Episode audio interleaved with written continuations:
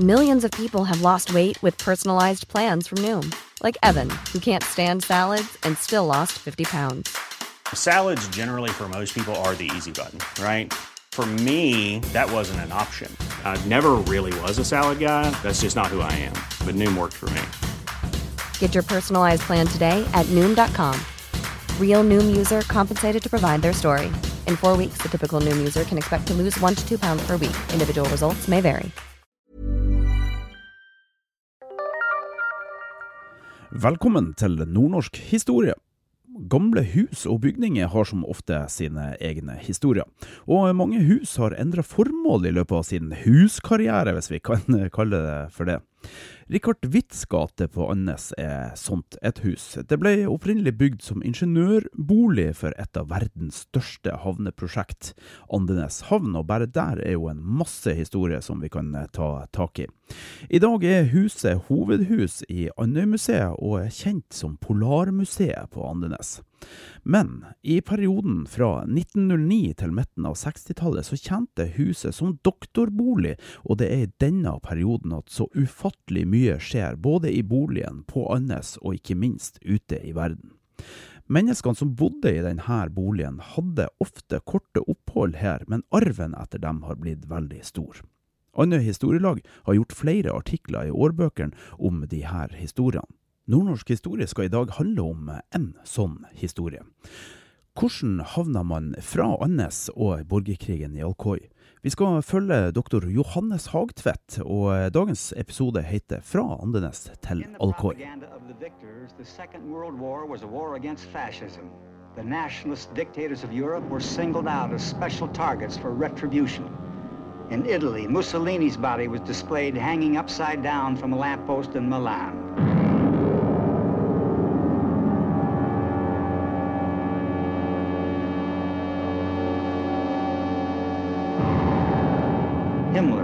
Of the Nazi SS, killed himself, and his corpse was put on show for the world's newsreels.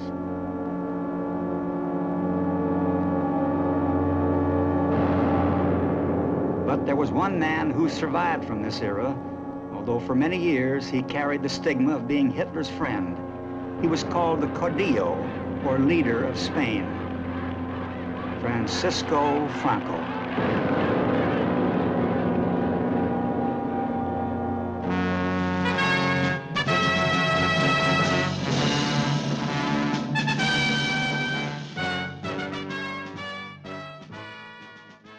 Da har vi fått med oss han Bernt Hagtvedt. Hvor du befinner deg i landet nå? Nå er jeg i Oslo. Jeg bor like bak Ullevål sykehus. Her har jeg bodd siden 1993. Jeg har vært professor i statsvitenskap ved Blindern og i Bergen i mange år. Jeg er 75 år gammel. Ja. Du, vi, vi snakka jo med deg i dag fordi at far din han eh, var en del år på, på Andes. Kan du, kan du begynne litt med Han, han er jo født i 1904. Hvordan Ja. Norge var det han vokste opp i? Nei, han var født i 1904, og han fikk medisinsk embetseksamen i 1930. Og han dro til eh, Harstad for å ta turnustjenesten.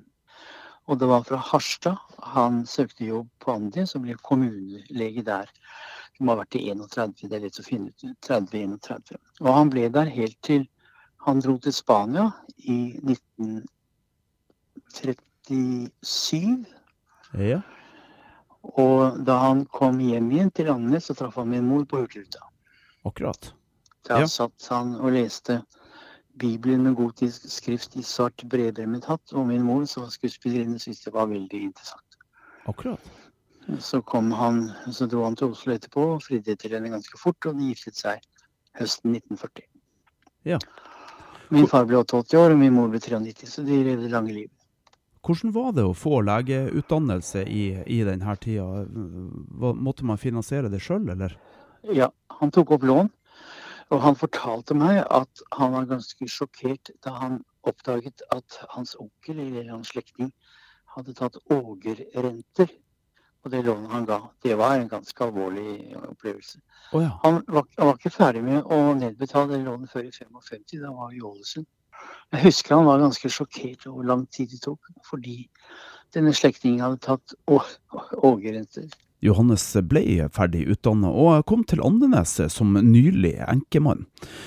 Legene hadde fått en litt mer folkelig status i denne tidsperioden, og de ble veldig godt tatt imot i Nord-Norge. Kom til Andenes, og det er helt åpenbart at han fikk mange venner. Han fikk tilsendt ryper til midt på 50-tallet. Han gikk masse på jakt. Jeg skal senere sende bilder av store ørnevinger, fiske. Eh, Andøya Fyrstorm. Han vant fotokonkurranse med de bildene. Han fremkalte det selv, det må ha vært på doktorgården. Ja. Og han var eh, allment, jeg vil si, en veldig kresen, kresen mann. Han leste bredt, skrev morsomt. Han malte og tegnet. Og han var vittig, men han var også vanskelig. Han hadde antagelig et eh, noe depressivt gemytt, og opp oppveksten, oppveksten var preget av det. Mm. Vi visste ikke helt sikkert hvor han var i humørlaget når han kom. Det er ikke noe stort problem, men han, var, han hadde antagelig depressive tendenser. Men han var en ypperlig medisiner. Så da han kom ned til Østlandet igjen i 1938, var det vel, Mm. så fikk han jobb eh, hos Hans Jakob Ustvedt på Ullevål sykehus. Og senere var han overlege, eller reservelege på Drammen sykehus. Og der var han helt til 49. Da var jeg fire år gammel, og da flyttet vi til Ålesund. Vi var i Ålesund fra 49 til 55. Hvoretter han ble overlege på Kongsberg. Og grunnen til at han søkte den jobben, var at jeg hadde falsk krupp og trengte tørt klima. Aha. På, på Kongsberg var det det danske astmahjemmet for danske barn som var plaget av det samme. Og de bodde utenfor Kongsberg. Vi måtte ha tørt klima. Det var en av grunnene til at familien flyttet. Johs ble ble altså født i Sandefjord i 1904, men eh, hvordan i all verden havner man så langt eh, opp i Nord-Norge? Det er ikke noe spesiell grunn til at um, han kom til Harstad. Jeg tror han bare søkte en vanlig turnustjeneste. Mm. Og så hendte det spesielle at hans uh, søster Anna kom opp. Hun kom for å stelle for ham. Det var den gang gutta fikk stell, vet du. Ja. Ja. Hun kom opp, og hun ble gift med Leif Botter, som var en fremtredende næringslivsmann og ordfører i Harstad. De hadde et langt, eh, langt ekteskap og fikk tre barn, hvorav to nå bare lever. Ja. Tante Anna og onkel Leif. Ehm, jeg tror han søkte stillingen i Andenes fra Harstad. Ja, Det var ikke noen spesiell grunn til at han eh, ville ha til Andenes, men han, han hadde veldig glede av nordlendingene og miljøet ellers. Han opererte i Harstad, det er bilder av hvor han tar blindtarmen sånn, men han ble indremedisiner. Han fikk spesialistutdanning som hjerte- og lungeleder, Mm. lungelege, det var fordi han, var, han møtte selvfølgelig tuberkulose, forferdelig tuberkulose. ja, for det var jo eh, ganske hard tid han eh, var her på. Ja, en hard tid. Ja. En hard tid. Han gifte seg med Ruth Botner, søster til Leif Botner, og hun døde av tuberkulose etter halvannet år. Ja. Så da han, da han dro til eh, Spania i 1937, så var han en enkemann, faktisk. Da var han to-tre år gammel. Ja. Så han, han mista, mista kona etter bare noen få Ja, år. han gjorde det. Han gjorde det. Han Ja. gjorde det. Så fant han mor etterpå, da. Og vi, og vi er to. Ja. Så hvordan endte han på Andenes? Det var tilfeldig. Jeg tror han bare søkte den stillingen. Eh, Han hadde livet hans vei. Det var preget av, av friluftsliv. Masse gode venner. Mm. Han tegnte og malte. Og han er avbildet, som du skal se senere. Ja. Avbildet med ørner, fisker. Så det var veldig morsomt. Ja. Så spør du om oppholdet i Nord-Norge bidro til å forme hans humanitære bevissthet. Jeg vil si at han ble, han ble bedt av Gunnar Johnsen, den senere legevaktsjefen i Oslo, om å bli med til det svensk-norske sykehuset i Alcoy, Mm. ikke så langt fra Valencia eh, i Spania. Da var han enkemann. Han søkte om eh, permisjon, og han var der i fire-fem måneder. og Kom hjem antagelig i slutten av 37, begynnelsen av 38. Ja. Han var selvfølgelig for republikken. Og, og, men han så sin tjeneste primært som en humanitær tjeneste. Altså han var ikke brigadista med i den internasjonale brigaden. Da var han ikke med. Han var altså primært lege, men selvfølgelig tilhenger av republikken. Han fortalte jo hvorfor han var det. Det var såpass enkelt som at et lovlig valgt styre var søkt omstyrtet av militæret. Det var et kupp, ikke sant. Ja. Da var det helt, helt naturlig for han å, å, å være der. Ja. Når du så ser den boken, får tak i den boken, så vil du se han hadde lange artikler om tjenesten i Alcoy. Mm. Han var fascinert over spanjolene, elsket det spanske folk. Forteller at eh, når legene gikk ut for å ta en kaffe, så var det ingen vits i å betale, det var betalt allerede. Og han, de, de tok inn 1200-1300 pasienter på poliklinisk mens de var der de fire-fem månedene. Og han lærte seg morfinens bruk fordi Franco brukte jo dum-dum-kuler. Det er Mm. kuler som utvider seg eh, ved slag mot huden. Så det var forferdelige sårskader. Ja. Helt forferdelige eh, sårskader. Og, eh, og han, han forteller jo masse om disse spanjolene. at En gang så hadde han en pasient som var fullstendig døvhørt. Han var dynamitaro. Altså hadde sprengt broer. Han hørte nesten ingenting. Han insisterte på å dra tilbake igjen, men far advarte jo. Han hører ingenting, det er livsfarlig. Han han ble drept noen uker etterpå. Og han forteller om sårskader der bakteriefloraen i munnen er den samme som der kulen kommer ut igjen i skulderen, f.eks. Han forteller om uh, hvordan de uh, utdannet uh, spanske jenter, var knapt 20 år gamle, som viste seg å være veldig lærende og ble vernepleiere. Og det er masse bilder av ham i han opererer. Han fikk en venninne, Rothia. Det er like sannsynlig at det, det var noe erotisk mellom dem. Hun var jo veldig passet på. Men hun, hun Rothia sendte jo brev til far til midten av 50-tallet, muntert overlevert av min mor. Ok. Og jeg kan fortelle, jeg kan fortelle at eh, da jeg var der i 2006, så kom tre meget gamle damer frem til oss. Og så spurte de er dere sønner til Johannes. Ja, vi er sønner til Johannes. ja. Og vi spurte «Eh, var det noe, hva, hvordan gikk det med Rocio?» Nei, hun døde uten barn for noen år siden. Mm. Var det noe mellom Johannes og Rocio?» Vi skal ta det med i graven. Å ja. Såpass. Altså, de, ja, det var, kanskje det var hennes store opplevelse, vet jeg. Ja. Men en, en svensk lege der nede, for hun så merkelig som Nattoktav, han forsøkte å be ut en, en pike, da, en kvinne, på, på kino. Det tok tre uker før svaret kom, og tre uker etterpå. Og når de skulle ut på kino, så fulgte hele familien med. Jentene var under veldig, veldig kontroll, altså.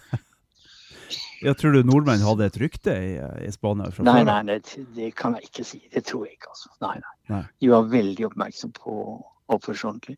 Ja. Alcoy var en eh, venstreradikal by. De drepte mm, ordføreren, som var eh, en francoist. Og de ødela kirken. Og da Franco vant da i 39, så var det forferdelige represalier. Un Estado totalitario armonizará en España el funcionamiento de todas las capacidades y energías del país, en el que dentro de la unidad nacional el trabajo, estimado como el más ineludible de los deberes, será el único exponente de la voluntad popular. Y merced a él podrá manifestarse el auténtico sentir del pueblo español a través de aquellos órganos naturales que como la familia, el municipio, la asociación y la corporación harán cristalizar en realidades nuestro ideal supremo. Borgerkrigen i Spania kan være en av de mest blodige og hensynsløse krigene som vi har hatt i Europa i moderne tid.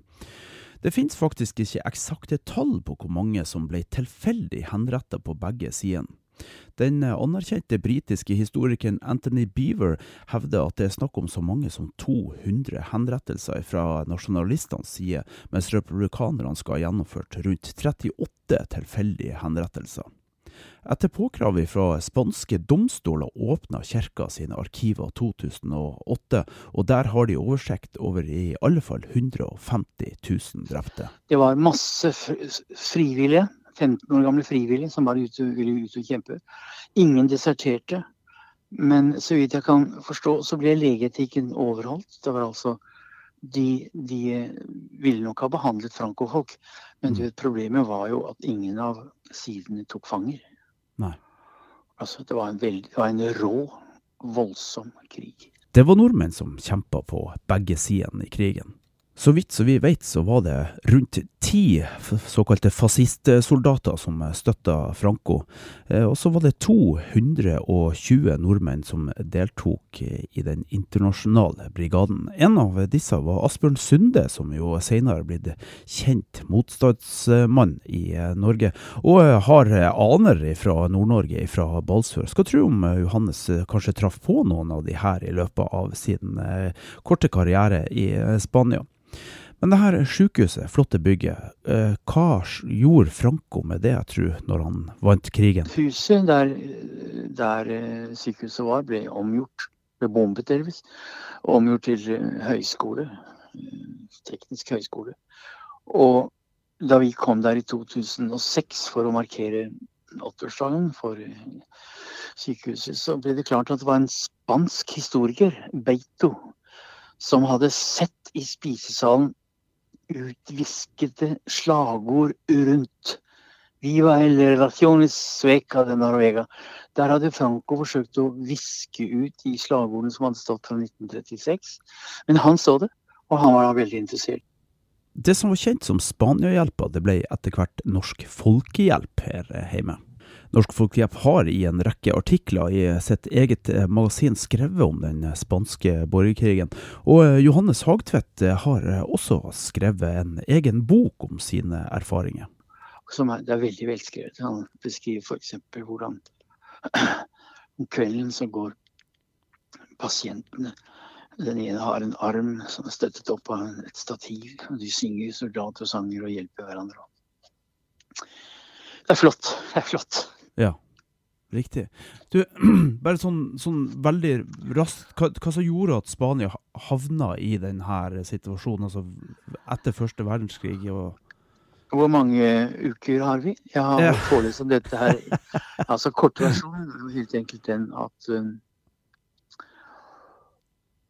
Spania hadde et veldig ustabilt politisk regime. Venstresiden vant i februar 1936 så vidt det var. Mm. Og de satte i gang et voldsomt reformprogram. Bl.a. å sekularisere skolevesenet. Å sekularisere skolen, altså eh, å gjøre skolen religionsnøytral, falt nok helt sikkert veldig tungt for brøstet for general Franco, som gjennom hele sitt liv var veldig katolsk. Det de burde ha gjort, det var å omgjøre de forferdelige forholdene på landsbygda med landarbeidere som var helt overgitt eh, landeierne. Mm. Men republikken var ikke i stand til å gjennomføre disse, disse reformene. Det betydde at de eh, klassene som burde ha støttet republikken, vendte seg bort. For det var en skuffet, det var en skuffet støttegruppe. Og det spesielle ved eh, Folkefronten var jo at den var dypt splittet. Det var anarkister. Og anarkismen i Spania var veldig sterk på det tidspunkt. Det var kommunister. Det var ulike sosialdemokrater. Men de, de hadde store problemer med å, å, samarbeide. Og alt sammen ble skåret gjennom av frigjøringsbevegelsen i Barcelona. Det var jo liberale som da ville ha en egen frigjøringsbevegelse, at Barcelona skulle skilles ut som egen stat. Så det var, for å si det statsvitenskapelig, veldig mange skillelinjer som krysset hverandre. Ja. Så, så altså Folkefrontregjeringen var ute av stand til å gjennomføre det programmet som kunne ha gjort at folk støttet opp om det. Mm. Og når det gjelder Franco-siden, så er årsaken der Franco hatet marxister. Han sa eh, om nødvendig skal jeg drepe halve befolkningen for å fjerne marxistiske gift. Han, det var tilfeldig at han ble sjef. Det var flere som omkom underveis. Det var ikke opprinnelig meningen at han skulle være sjef, men han ble det. Hovedkvarteret i Burgos. Og grunnen til at han klarte å overraske så mange, det var at han kom seg over fra Tenerife, hvor han var forvist av regjeringen. Og i Tenerife og i spansk Marokko hadde han masse maurere som var leietropper. Og uten disse leietroppene ville ikke Franco-Spania ha eksistert. Det var leietroppene som, eh, som vant krigen. Eh, Franco trodde at han skulle vinne med et slag, men der folkefrontregjeringen åpnet eh, lagrene og lot arbeiderklassen få våpen, der slo de tilbake. Så store deler av Spania ble holdt unna Franco fordi folkefrontregjeringen i noen byer stolte på arbeiderklassen. I Barcelona f.eks. så tok arbeiderklassen makten, og de drepte uh, offiserene i, kaser i kasernen. Umiddelbart ble det en forferdelig krig. Med, med, med, altså, man regner med at ca. en halv million mennesker er drept under den spanske borgerkrigen. 250 000 på slagmarken og 250 000 gjennom sult og overgrep etterpå. Arbeiderklassen og den republikanske sida lot det gå ekstra hardt utover presteskapet i den katolske kirka, noe som selvfølgelig gikk veldig hardt innpå Franco, og dette skulle hevnes. Og det mest uhyggelige var at Francos fred, det var jo en hevnfred. Og det var 70 000 som ble drept etter freden kom, etter han vant 1. april 1939. Og det var helt, det, altså, så sent som i 75 var det folk som kom ut fra gjemmesteder. Um, fordi de turte ikke å, å, å, gå ut. Og alle republikanere grovt eh, forfulgt helt fram til hans død i 75. Ja. Så, så det, var, det, var, en veldig voldelig Og alt dette så beskrevet i boken om Spanias ekko, 'Ekko fra Spania'. Mm. Der har vi en, en, særlig kapittel hvor vi viser noe om, om uh, mottagelsen i norske medier. Og ja. Kortversjonen der er at uh, de norske mediene fortolket situasjonen i Spania etter hvilket politisk ståsted de hadde. Så Aftenposten var frankoorientert, og Verdibladet og Dagbladet var republikansk. Franco og hans krigsmaskin som var jo støtta av bl.a. Tyskland med våpen og Italia med de såkalte svarte skjortene. Men eh, likevel så ender det med at eh, arbeiderklassen tar til våpen. Eh, hvordan kan man i ettertid tenke at man faktisk torde å ta til våpen imot en sånn overmakt? Venstresiden hadde helt urealistiske forventninger om egen styrke. Og bruarbeidere i Asturias trodde de var i Petrograd i 1917, at situasjonen var revolusjonær. Mm. Situasjonen var ikke revolusjonær i det hele tatt. Og man kan si borgerkrigen startet i 1934 fordi der ble det klart at republikken ikke kunne eksistere. Nei. Og eh, noe av grunnen til at gruearbeidere gruvearbeidere hadde eh, gjort opprør, det var at det var at høyresiden hadde vunnet valget noen få måneder før, så vidt det var. Og det første de gjorde, var å rulle tilbake alle former for reformer. Mm. Det var uh, altså Landarbeideren ble igjen undertrykt katolske kirker fikk dominant makt i undervisningen. Eh, og selvfølgelig arbeiderklassen ble slått ned der Franco hadde makten. Det var en veldig polarisert situasjon fra 34. Ja. Og når det hele brøt løs da i 1936, så var den umiddelbare foranledningen at um, det var en serie med politiske mord. Ja. Serie med politiske mord. Riktig. Så Calvo Sotelo, som var fra høyresiden, ble myrdet. og ja. Og, så, og, så, hele tiden myrdet de hverandre. Og det var da Franco under påskudd av Innakulturorden grep inn. Han ville antagelig grepet inn uansett. Ja. Det var en tragedie uten like. Og far var jo opptatt av dette hele livet. Vi satt hjemme på Kongsberg og hørte han lære spansk via dansk radio. Masse forstyrrelser. Men han lærte seg fra spansk. Og når han var 70 i 1974, så dro vi til Spania. Han hadde ikke noe problem med å reise til Franco-Spania. Han var ikke, var ikke, så politisk. Men da var vi i Barcelona, i, i Malaga og Cordoba. En storartet tur med broren min og, og moren min. Det var en stor opplevelse. Ja. Og vi bodde på Paradores, den spanske statens hoteller. Nei, det var enestående. Vi dro til Rondo, som er en stor, kløftig by, eh, hvor altså republikanerne ble styrtet ut i døden. Det var en bestialitet uten like. Du, kan, du vil ikke tro det. Helt forferdelig var det. Fra begge sider.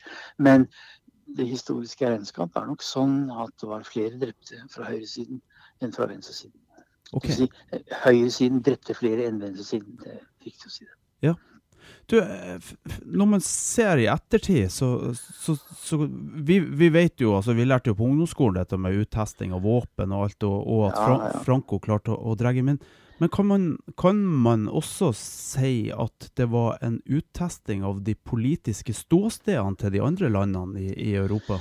Ja, eh, med en gang så gikk Storbritannia inn for en ikke- ikke-intervensjonspakt. Ikke I Frankrike styrte sosialisten Leon Blom. Han ville selvfølgelig hjelpe Spania. Mm. Men han kunne ikke gå mot Storbritannia, for han var avhengig av britisk støtte eh, i den krigen han mente måtte komme, nemlig krigen mot Hitler. Ja. Så Blom åpnet noe av grensen tok imot flyktninger, men han, han solgte ikke de flyene og, og de tanksene som republikken ville ha. Og det, absurde her var jo at, at eh, med Hitler og Mussolini, de ga jo faen i det. De sendte 70 000 frivillige, og Tyskland sendte sine kondorfly, som eh, ble uttestet over Guernica i 37. Ja. Og Mussolini 70 000 italienske frivillige.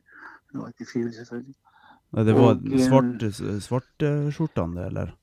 Ja, det var, de ble, de ble rekruttert av, av fascistiske militsen og regulær italiensk hær. Ja. Og de sendte, men det eneste som hjalp fra venstre, det var Stalin. Stalin sendte tanks. Han sendte ikke så mange frivillige, men han sendte militære instruktører. Mm. Og det var Stalins folk som organiserte den internasjonale brigaden. Det var et forferdelig opplegg. Eh, De som forsøkte å flykte, ble skutt. Og masse rettssaker innenfor i brigaden. Ja. Forferdelig diktatur, altså, fra venstre. Ja. Men um, den internasjonale brigaden reddet jo Madrid i 1936. Da holdt, da holdt Madrid på å bli tatt av Franco, men, men brigaden holdt. Far var jo i Madrid, og han forteller at eh, Det kan du lese.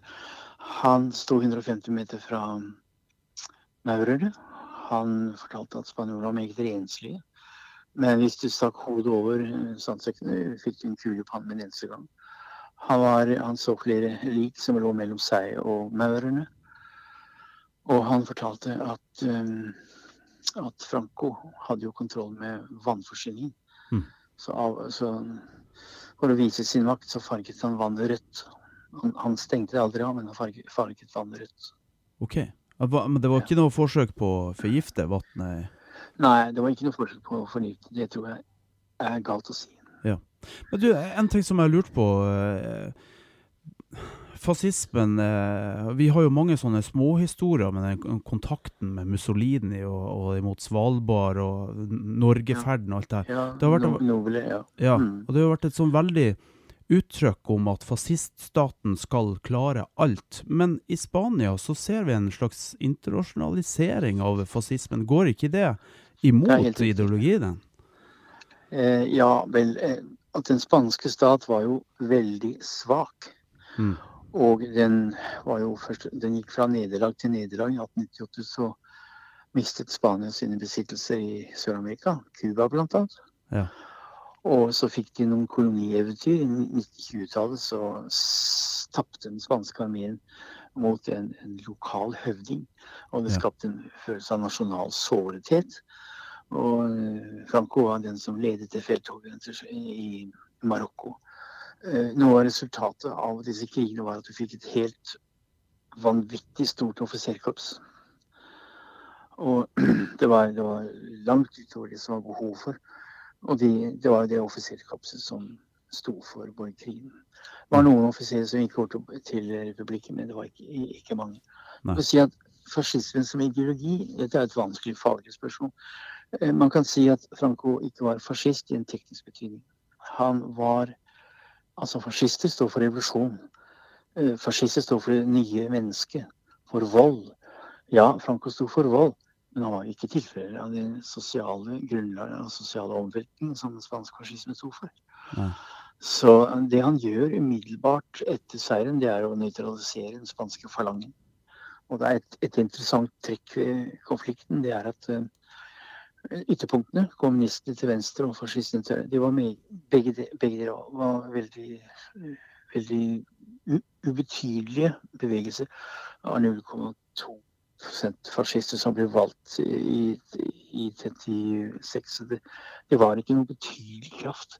Og Franco er mer å forstå som en reaksjonær, katolsk militærdiktator som, som uh, pyntet seg med fascistiske flagg. Men han var veldig nøye med å ikke la dem få særlig makt. Og fram mot 50-tallet så var det jo stadig spenning mellom falangen, fascistiske falangen, og offiserene. For falangen ville gi arbeidere rettigheter, de ville ha revolusjon. Mens militæret ville ikke ha revolusjon. Ja. Så, så, så, rent teknisk var ikke eh, Franco fascist, selv om han selvfølgelig hadde han klare fascistiske trekk, det må kunne sies. Ja, Men, men han visste ikke noe annet enn det militære livet, han? Nei, han, han han kom så vidt jeg husker, i 1907 som ung gutt. Kom til militærakademiet og levde hele livet i hæren. Ja. Spes spesielt eh, liv, selvfølgelig. Ja, veldig, veldig spesielt, ja. Han hadde gleden av å undertegne eksekusjonsparoler til ettermiddagsteen i sitt eh, slott, helt til siste åndedrag. Ja, ja. Jeg kan fortelle, En av mine første erfaringer var jo i 1963 var jeg 16-17 år. Jeg husker at Aftenposten brakte en stor reportasje om eh, Juan Grimao.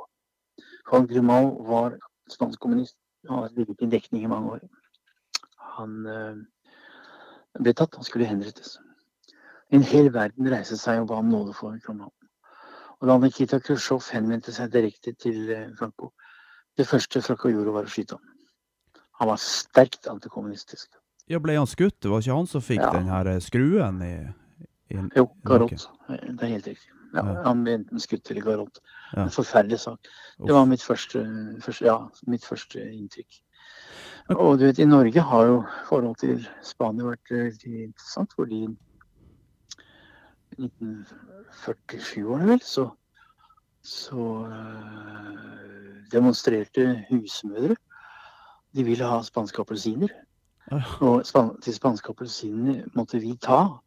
Fordi uten at vi tok appelsinen, så ville ikke de kjøpe bacalao eller kjøpe klippfisk.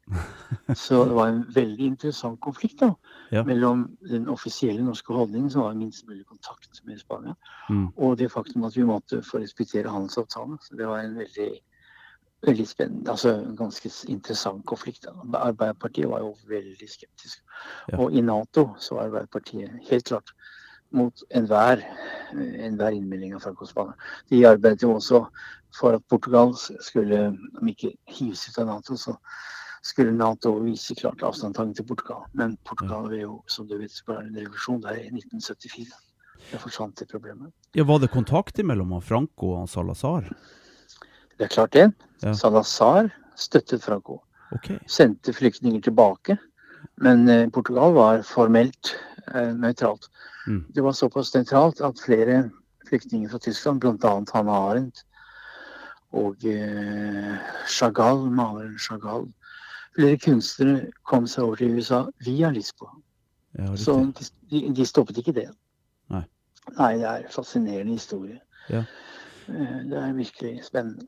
En, eh, hvordan, hvordan, var Norge sitt forhold til, til, til Spania? Jeg vet jo bl.a. at Mustad etablerte seg vel på 20-tallet. Eh, var det en sånn type utveksling mellom Norge og Spania før? Ja, du vet at eh, utenriksminister Koht var på nippet til å sende kanonskipet Olav Tryggvason til spanske farvann for å beskytte norske handelsinteresser.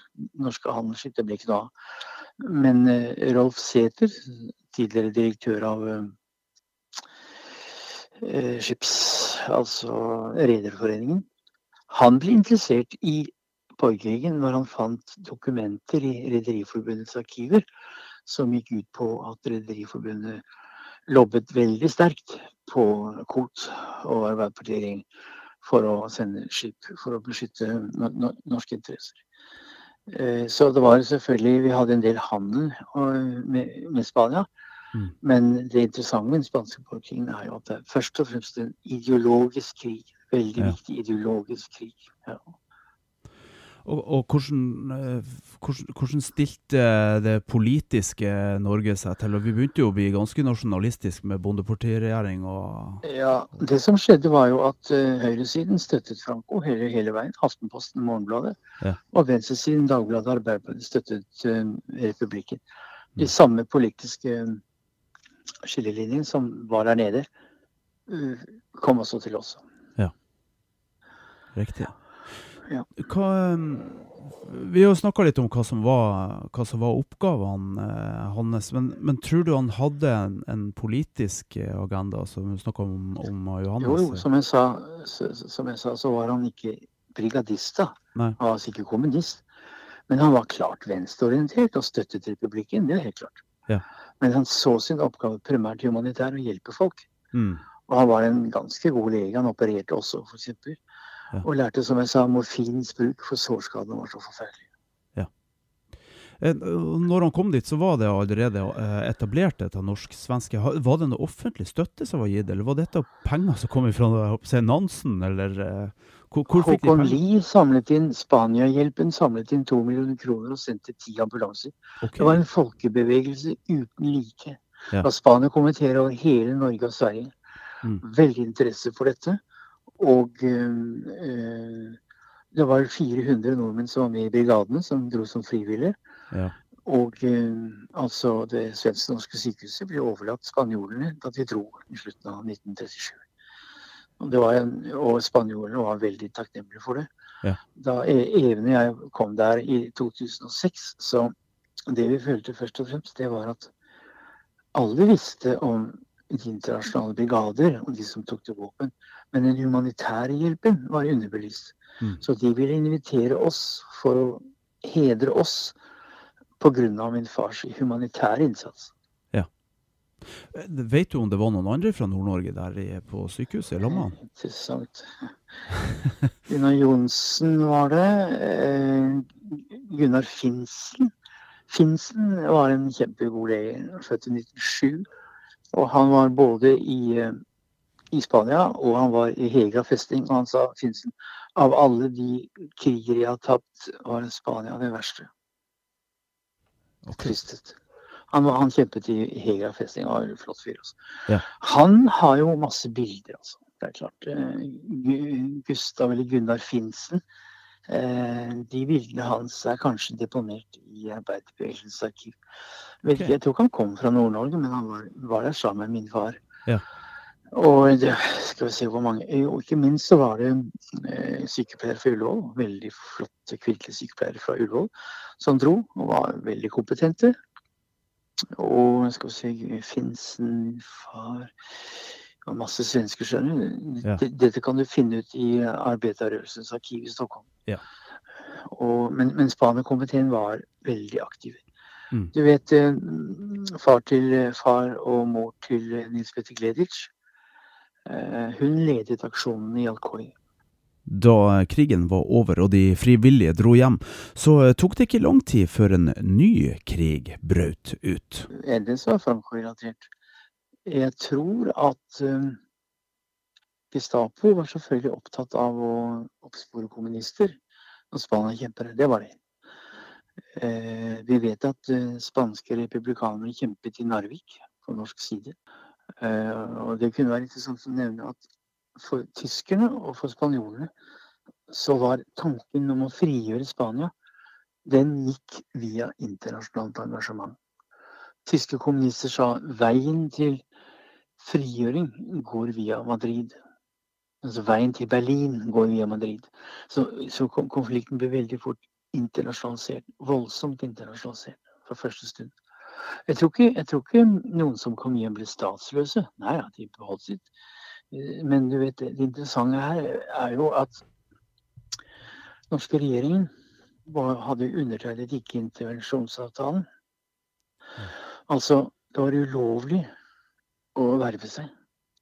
Men allikevel så møtte jo Martil Tranmæl opp og hilste Spania-faren hjem. Altså partiet var tilhenger av det. Men regjeringen måtte holde seg til den offisielle linjen. Et paradoks. Ja, Var det ikke sånn at de som var brigadister, som eh, kom hjem, at de, at de mista statsborgerskapet? Nei, nei, nei. nei. Okay. Det var ingen som ble, ingen ble arrestert eller, eller straffet. Det ville vært helt umulig å gi i opinionen her. Det høres ut som at du, du, du og far din dere hadde, dere hadde samtaler om tida hans Ja, i Spania. ja, ja. Du, du kan si at han var ganske diskré. Han skrøt aldri av dette her. Men de artiklene som danner grunnlaget for den boka, de ga han til meg. Artikkelen ble offentliggjort i et medisinsk fagtidsskrift, Esculap, umiddelbart etter hjem, hjemkomsten. Han skrøt aldri av det. Men han, var, han viste samtalen noen ganger om det, og, og um, han var stolt, tror jeg. Men han så det primært som en humanitær tjeneste. Hvilke inntrykk setter du igjen av far din? Det er jo et stort spørsmål, men Jeg kan fortelle at Det som slår meg, er at han var veldig kresen. Når jeg ser hva han leste, han var veldig litterært belest. Og da jeg fant arkivet hans, så fant jeg tre vitenskapelige avhandlinger. Masse forskningspublikasjoner. Han var en drivende god lege. Han burde antagelig ha blitt professor i medisin, men han, eh, det var krigen, så det var umulig å disputere under krigen. Han fikk Schjelderups gullmedalje for sitt arbeid, om du ikke tror det. C-vitaminhypotiose, Kostholdsproblemene i Andøya. Oi. Han var opptatt av Ja, bare gå på biblioteket. C-vitaminhypotyose. Han var opptatt av hvordan Hva kom det av at fiskere i Antes ikke fikk beriberi og engelsk syke? Kosthold. Han var ernæringsekspert. Eh, Noe av grunnen er at de eh, spiste De hadde nok eh, ernæring. I Spania var han opptatt av at spanske barnas tenner var så bra. Og det var fordi de spiste appelsiner. Men han undersøkte eh, fiskenes ernæring og fikk en gullmedalje for den oppgaven. Og da han siterer Hamsun annet. Han måtte være teolog, for hendene var blå. Altså han, han beskriver hvordan, hvordan ernæringssykdommen satte seg i hendene og huden. Den gustne hud. Han skrev jævla godt. tror du at uh, oppholdet hans i, i Nord-Norge var med å, å, å forme den, la oss kalle det den humanitære bevisstheten? Altså, han, han var veldig opptatt av Nord-Norge. Han sa hele tiden 'hva du tror'. Nordlendingen, nordlendingen taler lavgalt inn til kunst. Han elsket Hamsun. Han var dypt knyttet til landsdelen. Han sa 'jeg har levd to liv'. Et liv som lege og et liv som Hamsun leser. Så Ah. han var, han var veldig knyttet til landsdelen også litterært. Ja. Og selvfølgelig med hensyn til natur. Så, så jeg sa fortalt at vi fikk jo ryper til langt opp i 50-tallet. Ja.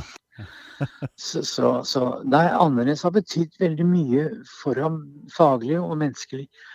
Og jeg merker at da jeg har vært død noen år nå, jeg merker at eh, jeg skulle gjerne hatt en samtale med ham. Han syns det var- ville vært mye bedre om jeg hadde vært professor i medisin og ikke statsvitenskap. Men han, han laget ikke de problemene. Han skjønte ikke stort hva jeg drev med. Nei. Men uh, vi, vi hadde ganske mye fin tid sammen. Og, og um, jeg savner ham veldig. Ja. Så hvis det er en himmel, så har jeg tenkt å be ham ut. Ever catch yourself eating the same flavorless dinner three days in a row? Dreaming of something better? Well, HelloFresh is your guilt free dream come true, baby. It's me, Kiki Palmer. Let's wake up those taste buds with hot, juicy pecan crusted chicken or garlic butter shrimp scampi. Mm. Hello Fresh. Stop dreaming of all the delicious possibilities and dig in at HelloFresh.com. Let's get this dinner party started.